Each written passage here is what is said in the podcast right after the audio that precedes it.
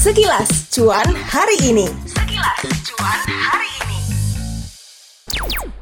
Kamu bisa nggak sih buat nggak bergaul lagi dengan mereka? Apaan sih kamu? sebelum akhirnya berhenti karena dengarkan podcast tinggal nama setiap hari Selasa dan Kamis bersama Media Podcast Network by KG Media hanya di Spotify saat semuanya sudah terlambat. Halo Sobat Medio, Wah, akhirnya sekilas cuan hari ini balik lagi dan kali ini aku mau kasih tahu kalau Pevindo kerek outlook jasa marga dari stabil jadi positif. Seperti biasa, info ini dilansir dari kontan.co.id.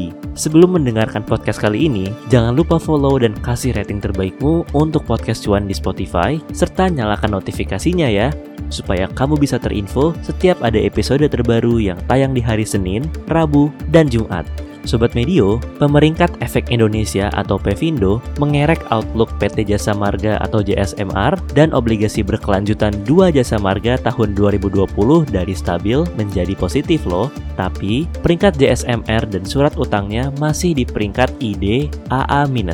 Nah, Pevindo ngejelasin nih, revisi Outlook ini untuk mengantisipasi ukuran struktur permodalan dan proteksi arus kas yang lebih baik dengan rencana untuk mengurangi utang yang menggunakan hasil dari aksi korporasi dalam jangka pendek. Usaha pengurangan utang juga dikombinasikan dengan potensi arus kas yang lebih tinggi. Hal ini seiringan dengan pemulihan perekonomian domestik yang akan memperbaiki ukuran-ukuran struktur permodalan dan proteksi arus kas di tengah potensi utang yang lebih tinggi dalam jangka menengah untuk membayar membayar biaya konstruksi. Terusnya nih, peringkat IDAA- ini mencerminkan dukungan yang kuat dari pemerintah untuk menyelesaikan proyek jalan tol. Posisi dominan JSMR pada sektor jalan tol, portofolio jalan tol yang terdiversifikasi dengan periode konsensi yang panjang, dan fleksibilitas keuangan yang sangat kuat. Terus juga Sobat Medio, outlook direvisi menjadi stabil kalau pengurangan utang belum memperbaiki struktur permodalan yang signifikan atau kalau aksi korporasi tertunda karena karena kondisi pasar.